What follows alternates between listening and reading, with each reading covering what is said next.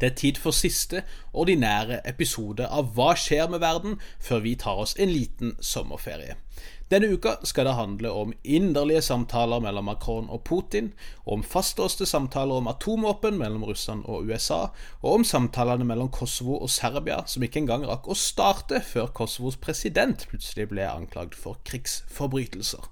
Dessuten har Malawi opplevd litt av et valgdrama, og vi må snakke om ukas store snakkis, nemlig at russeren skal ha tilbudt Taliban dusører for å drepe internasjonale soldater i Afghanistan. Dette er Hva skjer med verden?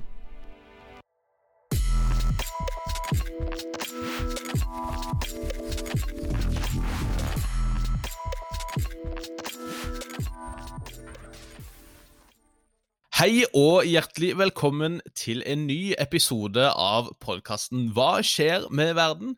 Denne podkasten for deg som er interessert i internasjonal politikk og krig og fred og alt det der midt imellom.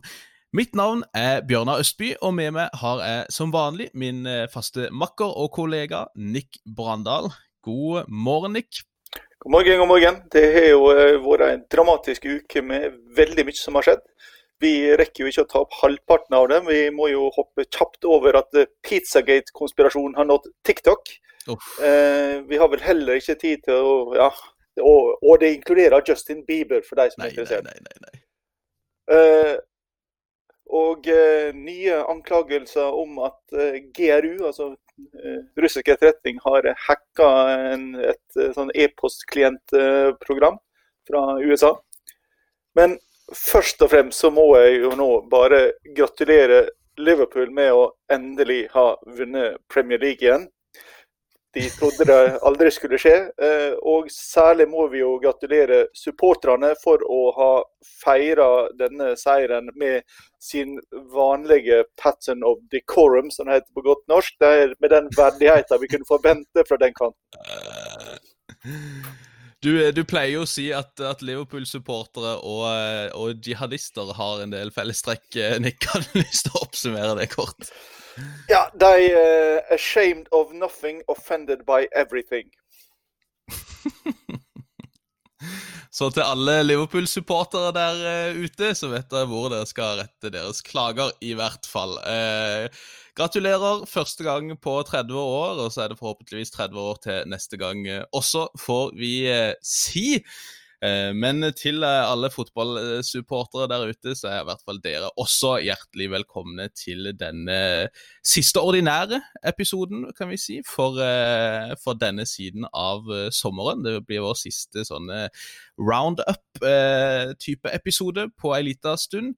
Uh, og så kommer dere til å høre fra oss hver uke fremover i sommer med våre sommerspesialer, som vi kan snakke om litt mer til slutt. Det skal sies, altså hvis det skjer noe ekstraordinært, så, så er det jo ikke utenkelig at vi dukker opp igjen, Nick. Men eh, vi håper på at vi kan få litt sommerferie, i hvert fall. Vi håper vel på at verden kan få litt sommerferie.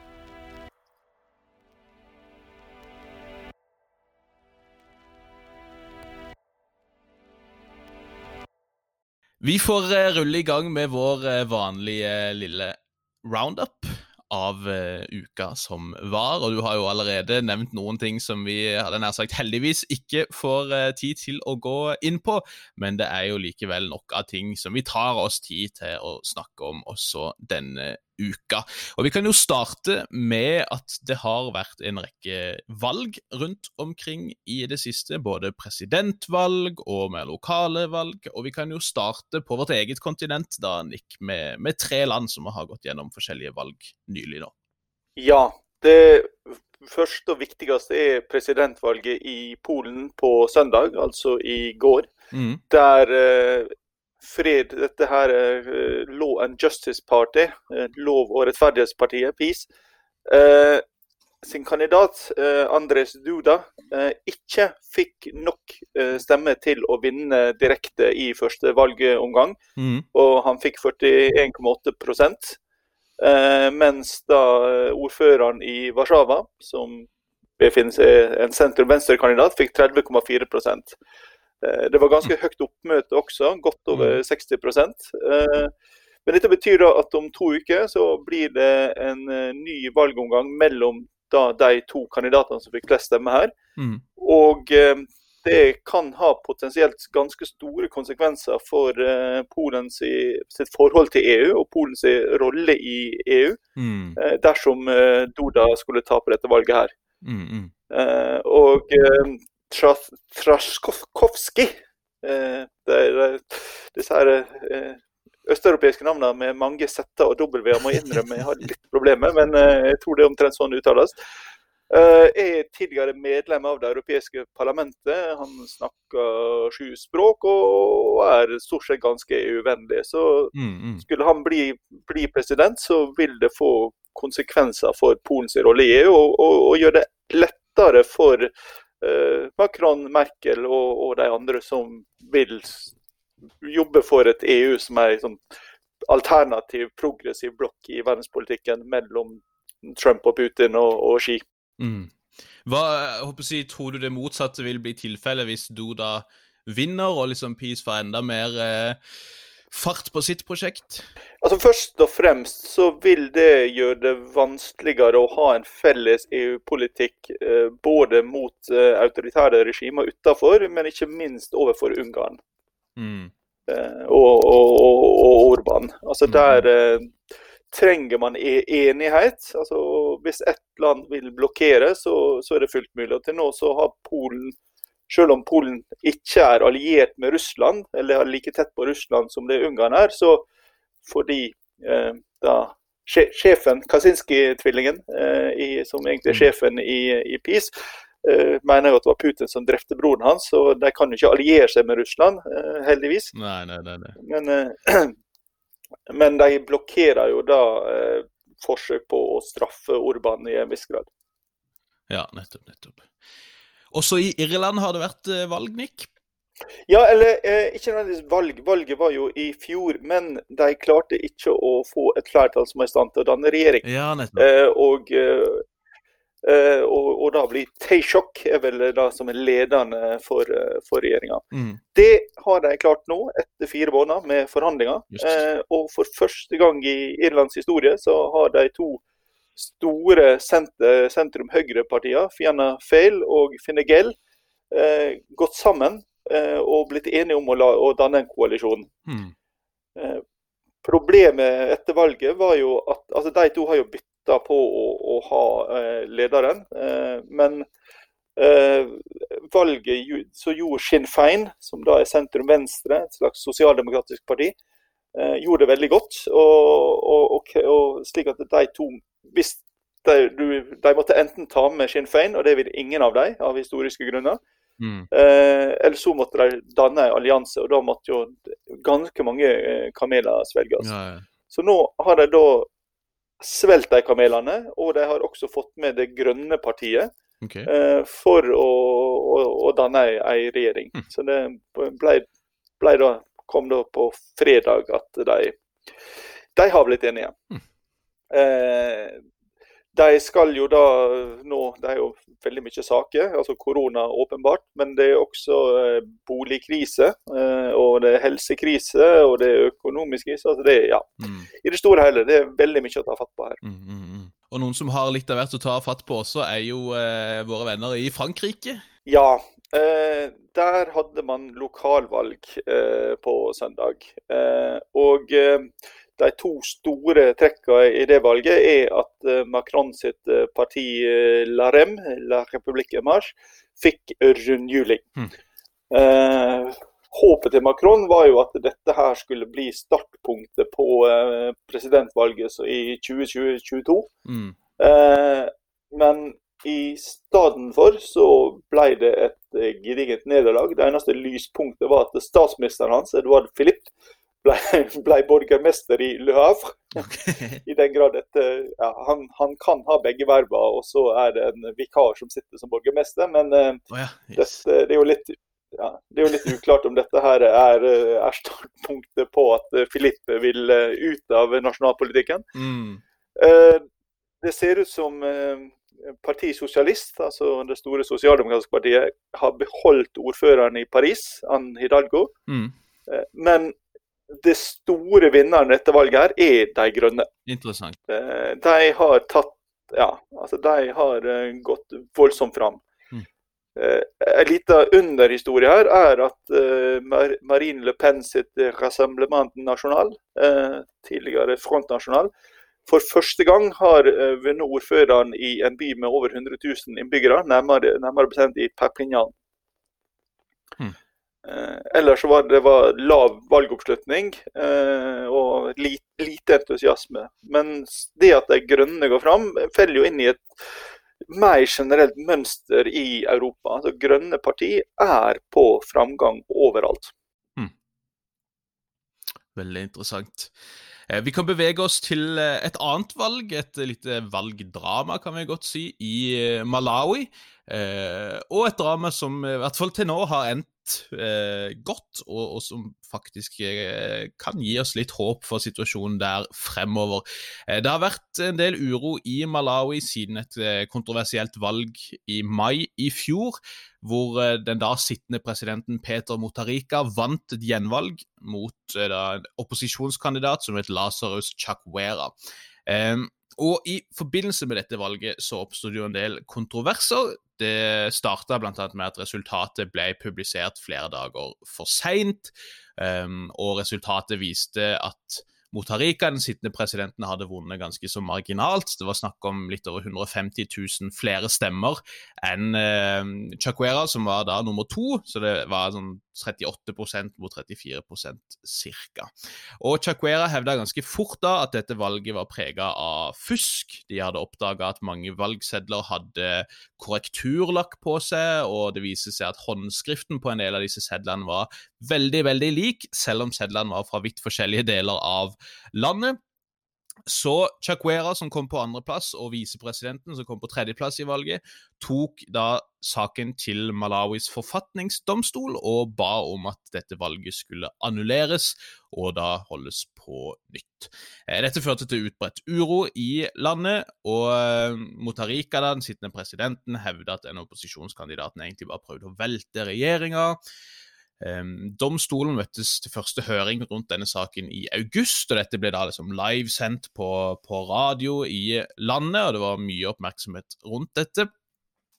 Uh, I januar i år så gikk presidenten av domstolen ut til pressen og, fordømte det han sa var et forsøk på å liksom, korrumpere domstolens dommere, noe som utløste nye protester. Det var tilfeller der uh, det regjerende partiets kontorer ble brent ned og lignende. Eh, men i februar i år så gikk domstolen ut og konkluderte med at valget var prega av det som ble kalt av alvorlige, utbredte og systematiske uregelmessigheter, eh, og dømte da at dette eh, valget skulle holdes på nytt innen 150 dager. Siden den gang så har det vært forsøk på å få annulleringa annullert, men Høyesterett har gått ut og liksom da gitt parlamentet autoritet til å planlegge et nytt valg, som da egentlig skulle holdes i starten av juli, men som ble fremskynda til 23 juni. Eh, Motarika, den sittende presidenten, har jo kalt dette her for et juridisk eh, eh, men valget ble likevel avholdt sist uke og endte med en historisk seier for denne opposisjonskandidaten Lazarus Chakwera. Eh, en tidligere pastor, eh, han har eh, undervist i teologi, så vidt jeg har forstått, og er Arsenal-fan, så what's not to like der, Nick? men det som er interessant her, er jo det at dette kun er for det første da andre gang i Afrika sør for Sahara at eh, et resultat i president, eh, et presidentvalg har blitt annullert. Forrige gang var i Kenya i 2017. Og det er altså første gang at en opposisjonskandidat faktisk vinner dette nyvalget. Det er, blir omtalt da som en ganske så stor seier for eh, eh, demokratiet i Malawi, som vitner om at dette faktisk begynner å stå nokså sterkt etter hvert, og at det har blitt institusjonalisert på en måte som vi ikke ser så ofte i stater sør for eh, Sahara.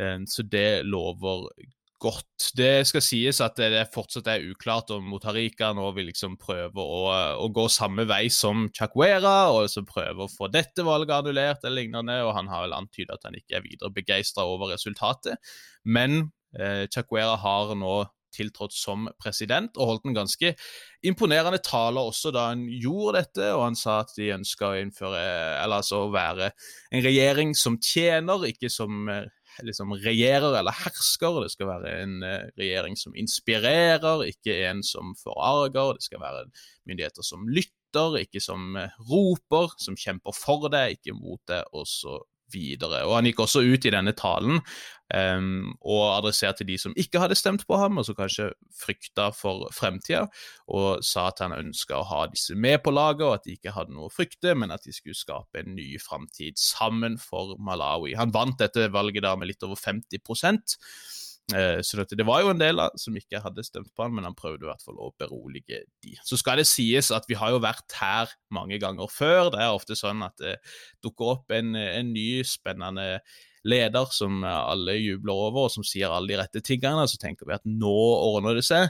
Eh, men i dette tilfellet så er det nok grunn til å være litt mer begeistra, i og med at det ser ut som han her faktisk har ikke bare sier de riktige tingene, men at han også har uh, et institusjonelt apparat bak seg som faktisk fungerer, og som, som, uh, som faktisk går imot selv det den tidligere presidenten ønska.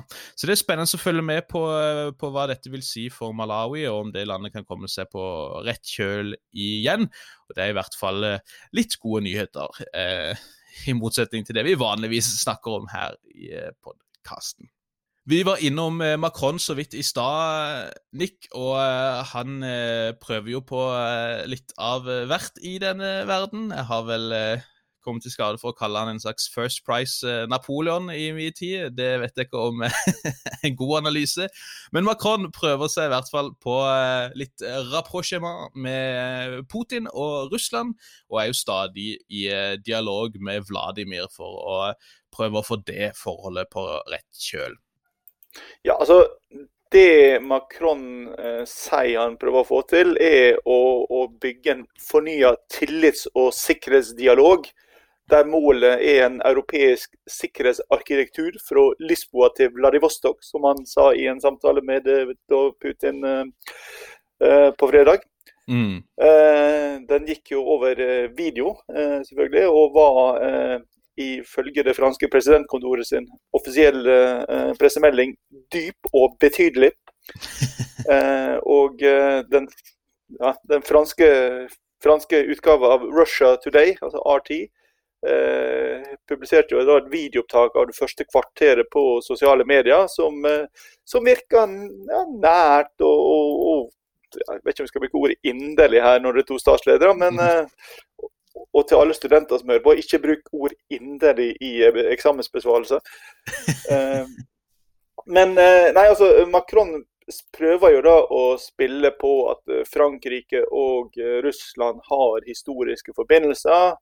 Dette går jo tilbake til for så vidt før første verdenskrig, når den russiske tsaren og, og, Frankrike bygde allianse mot, mot, Tyskland i perioden før krigen, mm. og var jo allierte under krigen. og, og denne her uh, alliansen gjenoppsto jo da under andre verdenskrig, når felles front mot Nazi-Tyskland osv. Altså, Der er historiske forbindelser mellom Frankrike og Russland som Macron da prøver å, åpenbart å spille på.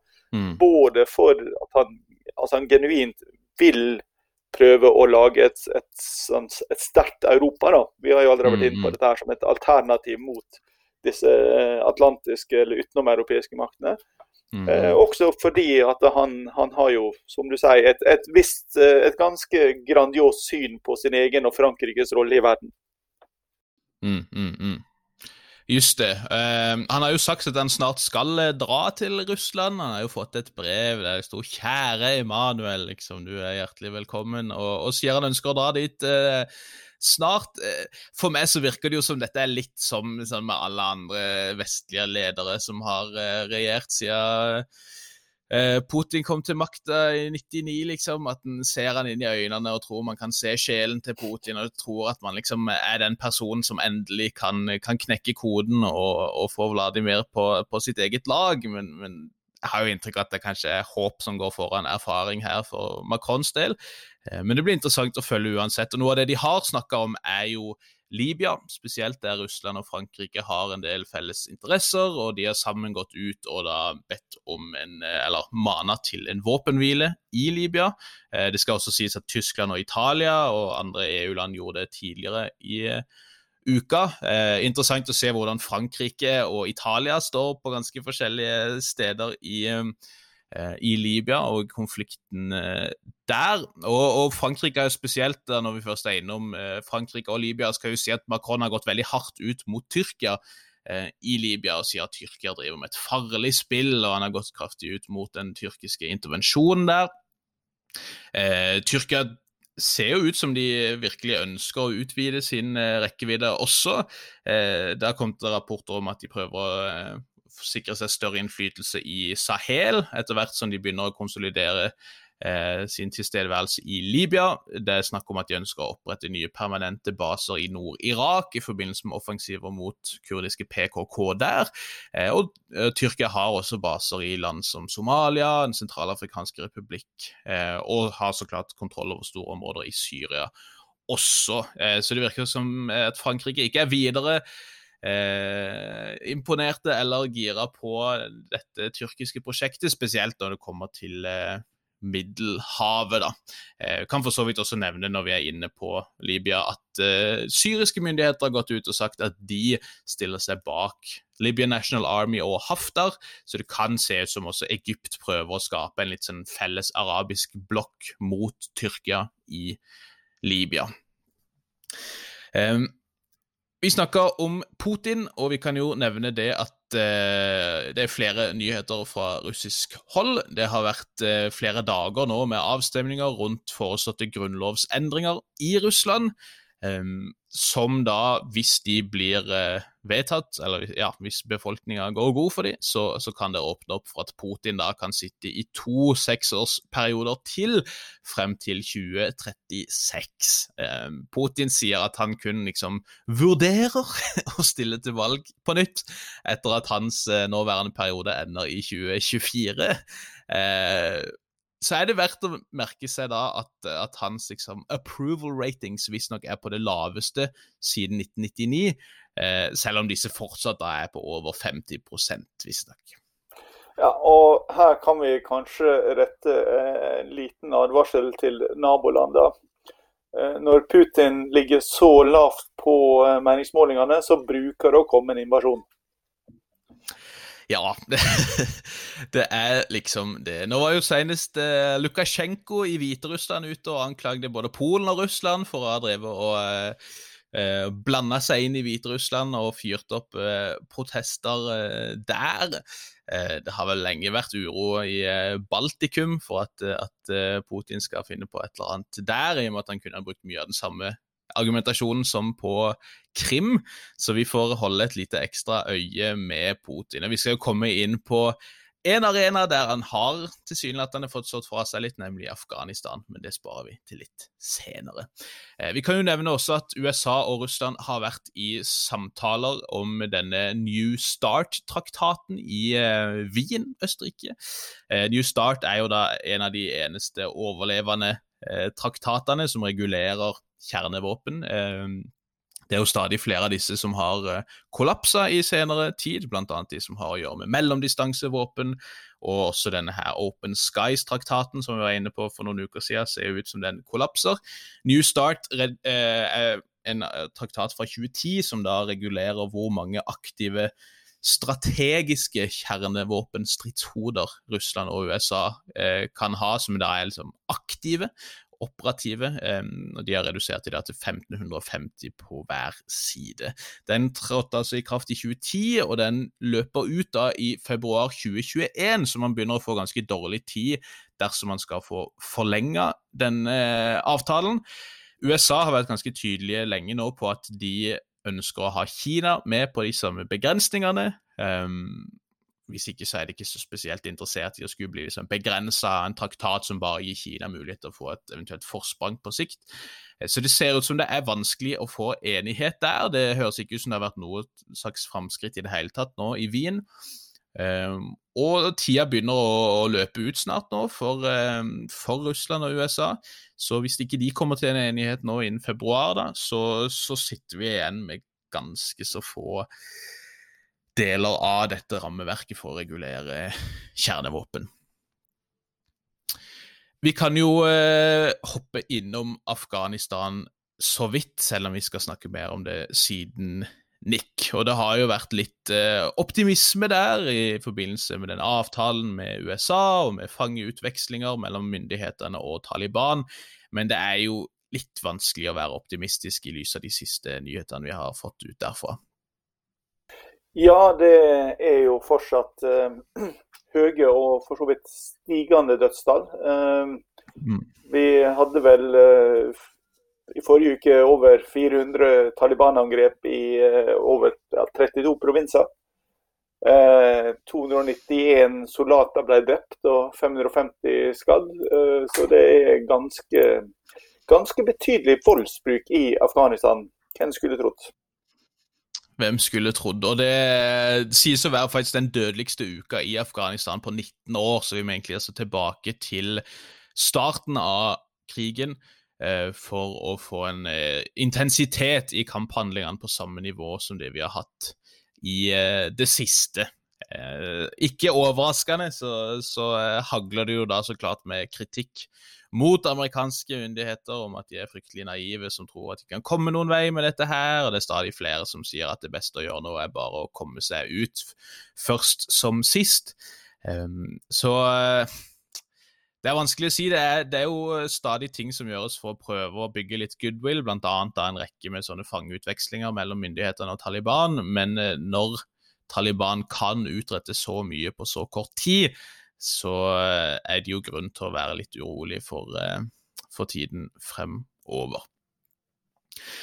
Vi kan jo nevne, vi var innom det så vidt sist uke også, for så vidt, men nå i midten av juli så er det jo 25 år siden denne massakren i Srebrenica i Bosnia, der noe sånn som 8000 muslimske gutter og menn ble drept av eh, styrker eh, under eh, kommando av Ratko Mladic, denne generalen fra Republika Serbska, denne serbiske delen av Bosnia. Og eh, da det er 25 år siden dette, så skulle man kanskje håpet at vi eh, kan være enige om at det som skjedde var helt forferdelig, og at man ønsker å bevege seg videre, men i stedet så eh, har nå flere lokale serbere, da, altså nasjonalister og ganske ekstreme sådan, hengt opp plakater av nettopp Radko Mladic, mannen som i stor grad var arkitekten bak det som har blitt beskrevet som et folkemord. Så det er mye grums som henger igjen der, dessverre.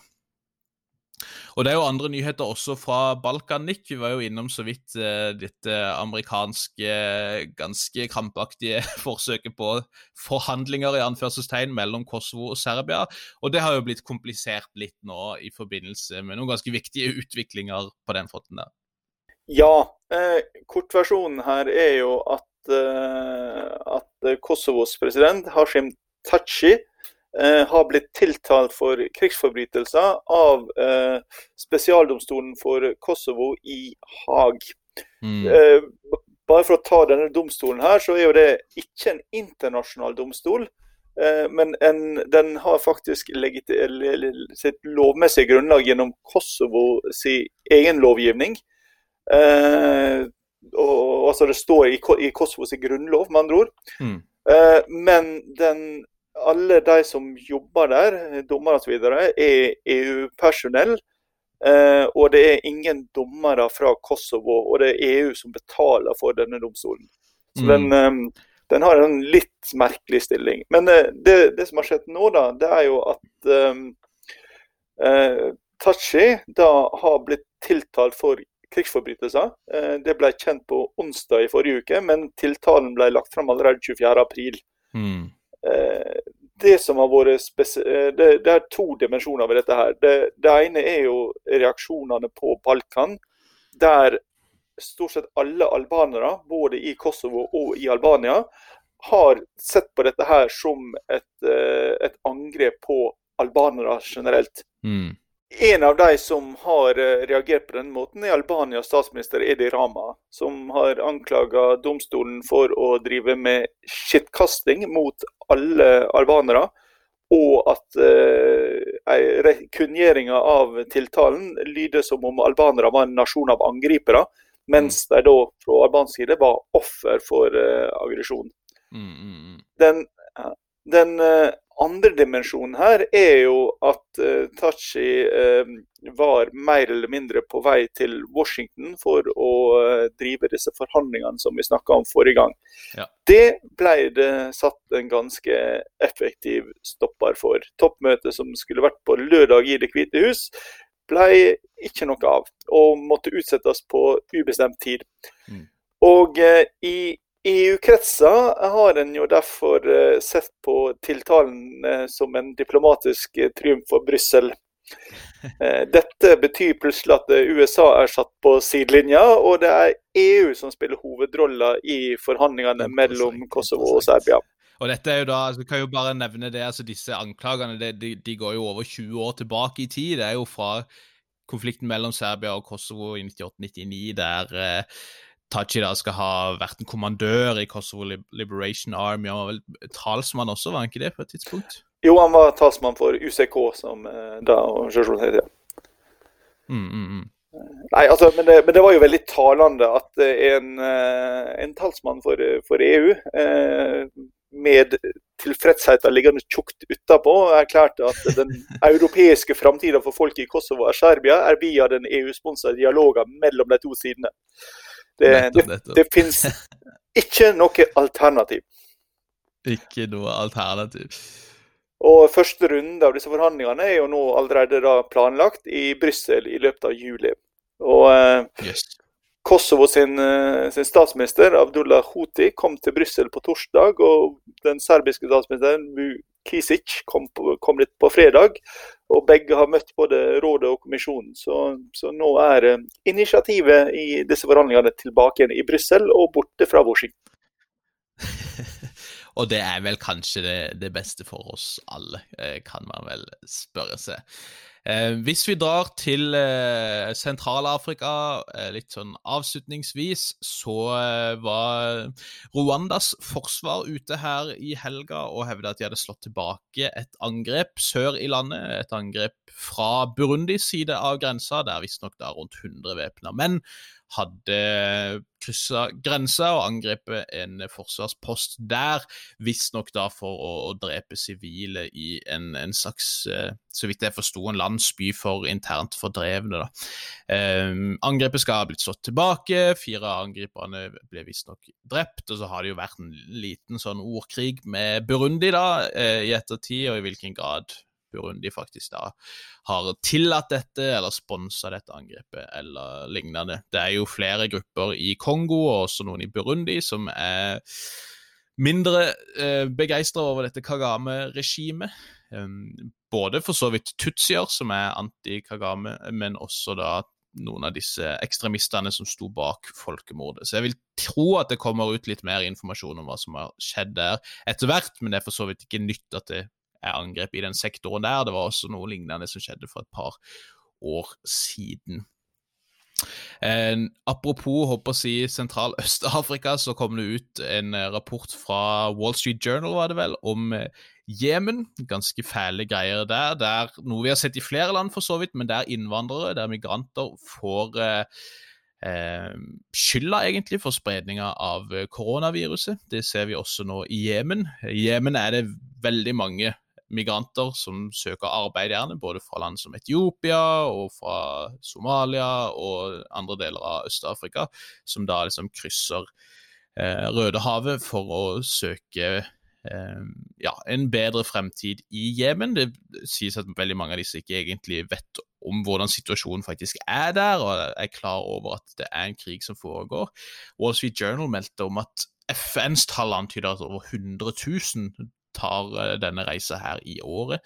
Um, og nå sies det at veldig mange av disse migrantene da får skylda for å spre koronaviruset, spesielt i områder kontrollert, av denne Houthi-militsen.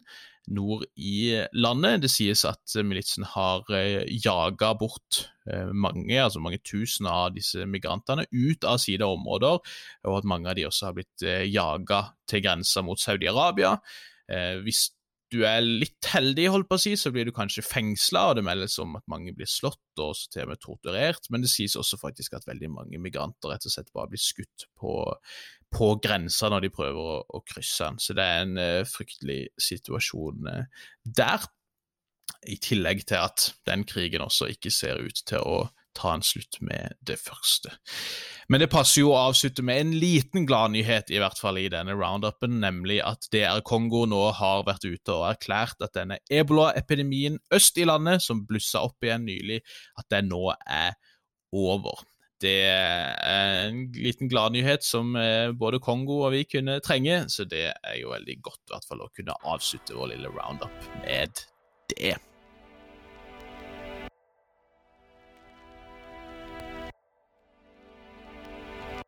Men Bjørnar, den store snakkisen, eh, i alle fall hvis du befinner deg i Vest-Europa eller Nord-Amerika denne uka, har jo vært avsløringene om at Russland skal ha tilbudt Taliban dusør for å drepe medlemmer av koalisjonen i Afghanistan.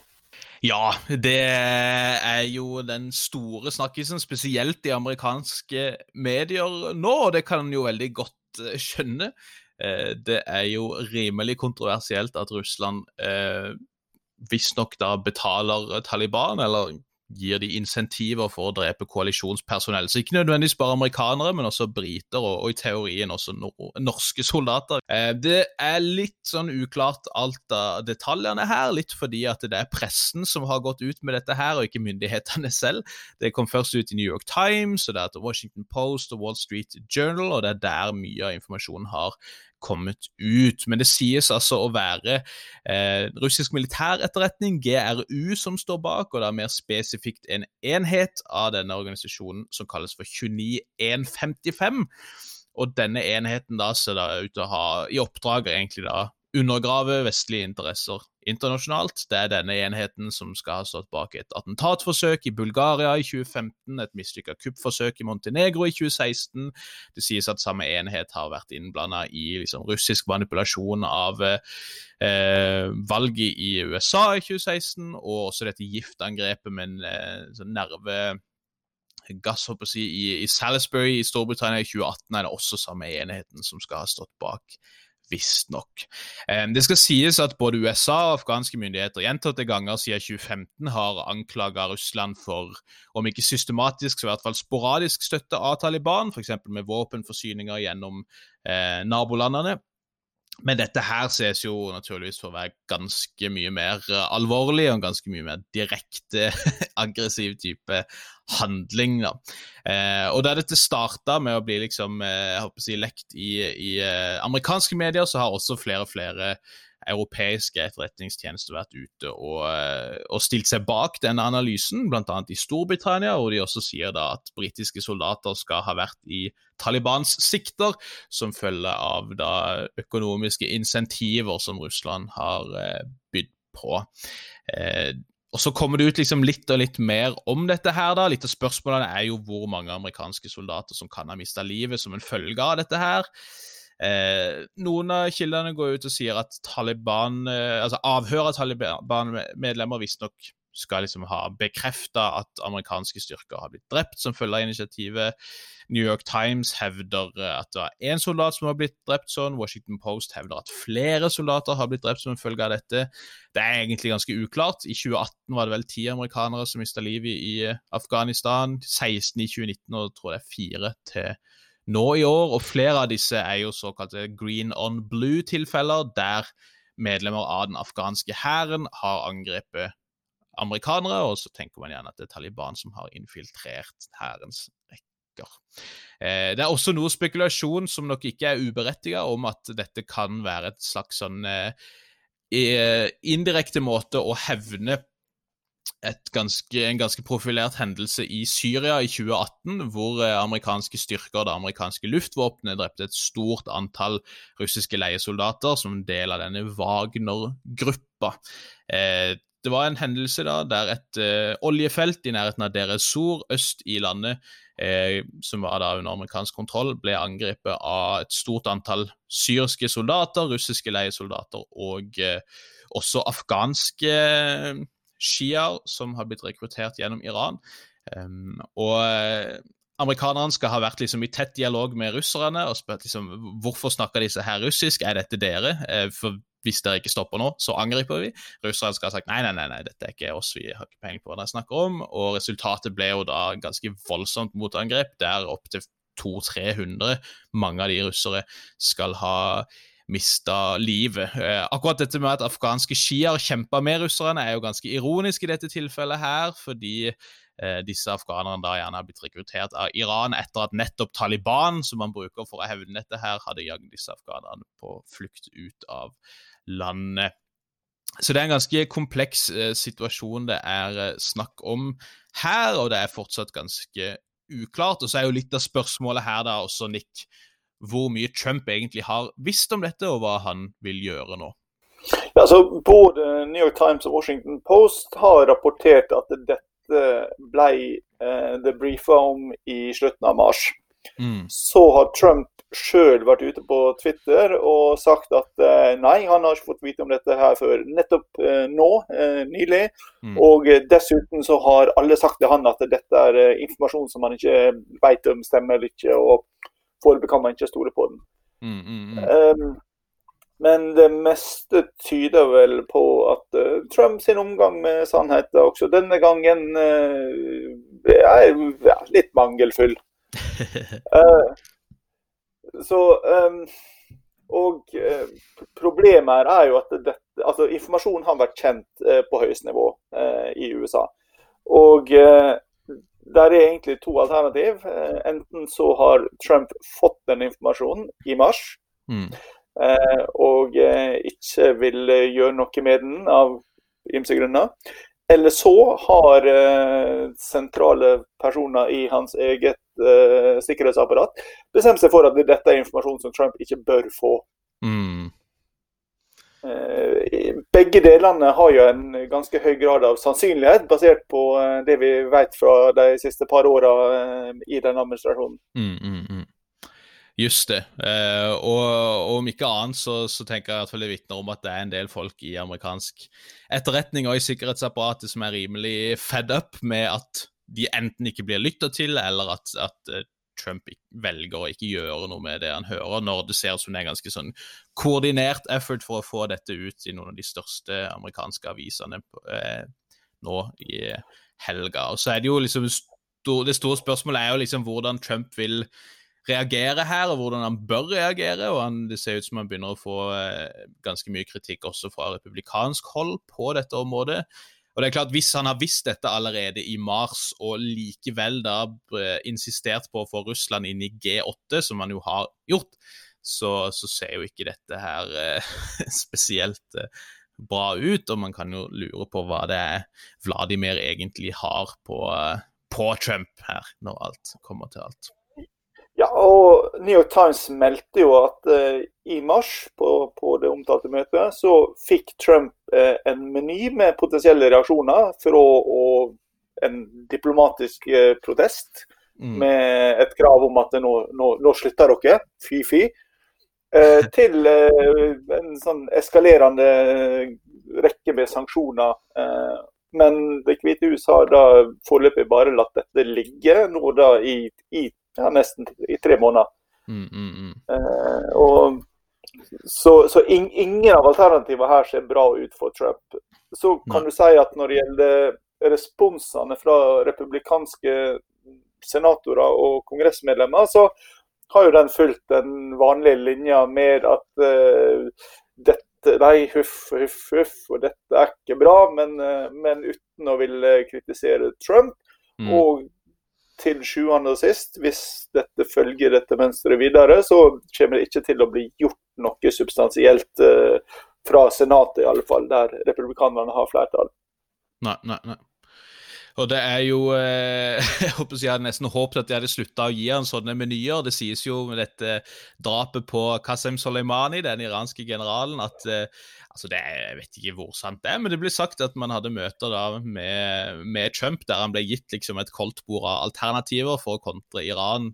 Eh, og, og så har man liksom lagt inn Vi kan jo drepe Soleimani, bare som et litt sånn far-fetched, ganske ekstremt alternativ, hvorpå Trump visstnok skal ha sagt ja, ja, vi bare kjører på med det, og så gjennomførte man det, da. Det som, det som, er mulig her, som jeg ser noen er bekymra for, eh, det er jo det at en måte å slå tilbake er jo nettopp å ramme denne Wagner-gruppa, sånn som man gjorde i Syria. Altså Russland bruker jo Wagner-gruppa Eh, for å oppnå det man kaller plausible deniability. ikke sant? Man har en aktør som kan gjøre skittentøysvasken håper jeg, for en, gjøre dirty work der ute, og så kan man samtidig fornekte at dette her er eh, noen som går Russlands ærend. Det er simpelthen russere som, eh, som, jobber for en primært militært foretak, og de har ikke egentlig noe med Kreml å gjøre. Så, så om dere bomber de, så er ikke det på en måte vårt problem, sånn som man så i Syria. da. Og da, da er det ikke utenkelig at Libya kan bli én plattform eller en arena da, der man eh, søker en i hvert fall liten hevn dersom man ønsker eh, å operere etter øye for øye, tann for tann-type prinsippet, da. Så det, det blir spennende å, å, følge med på. Og det får dere nesten gjøre selv, fordi vi eh, skal jo prøve å få oss en liten sommerferie nå, eh, Nick. Eh, har, har, du lyst til å avslutte med noen sånne tips eh, om hva våre lyttere bør følge med på i sommer, før vi er tilbake med våre ordinære roundups? Ja, altså det vil jo uh, bli en sommer med uh, masse protester. Det kan vi jo trykke ut fra. Det, det er vel knapt en spådom. Mm, mm. Uh, det Valgkampen i USA vil jo selvfølgelig skru seg til. Um, mm. Og nå har vi vært inne på denne saka, men den er tror vi også trygt kan si vil eh, komme utover sommeren, er jo i Midtøsten, nemlig bestemt i det hellige landet Bjørnar. Ja, det er jo god grunn til å tro at det er Israel og Palestina det vil handle om i sommer. Det, det går jo mot at Israel eh, annekterer store deler av Vestbredden eh, i juli om kort tid, og det er jo god grunn til å tro at det kan både, uh, utløse både én og to kriser. Både på det territoriet det er snakk om, men også uh, reaksjoner fra nabolandene. Så jeg vil uh, nok tro at det er ganske sånn safe bet at det vil kunne skje store ting der.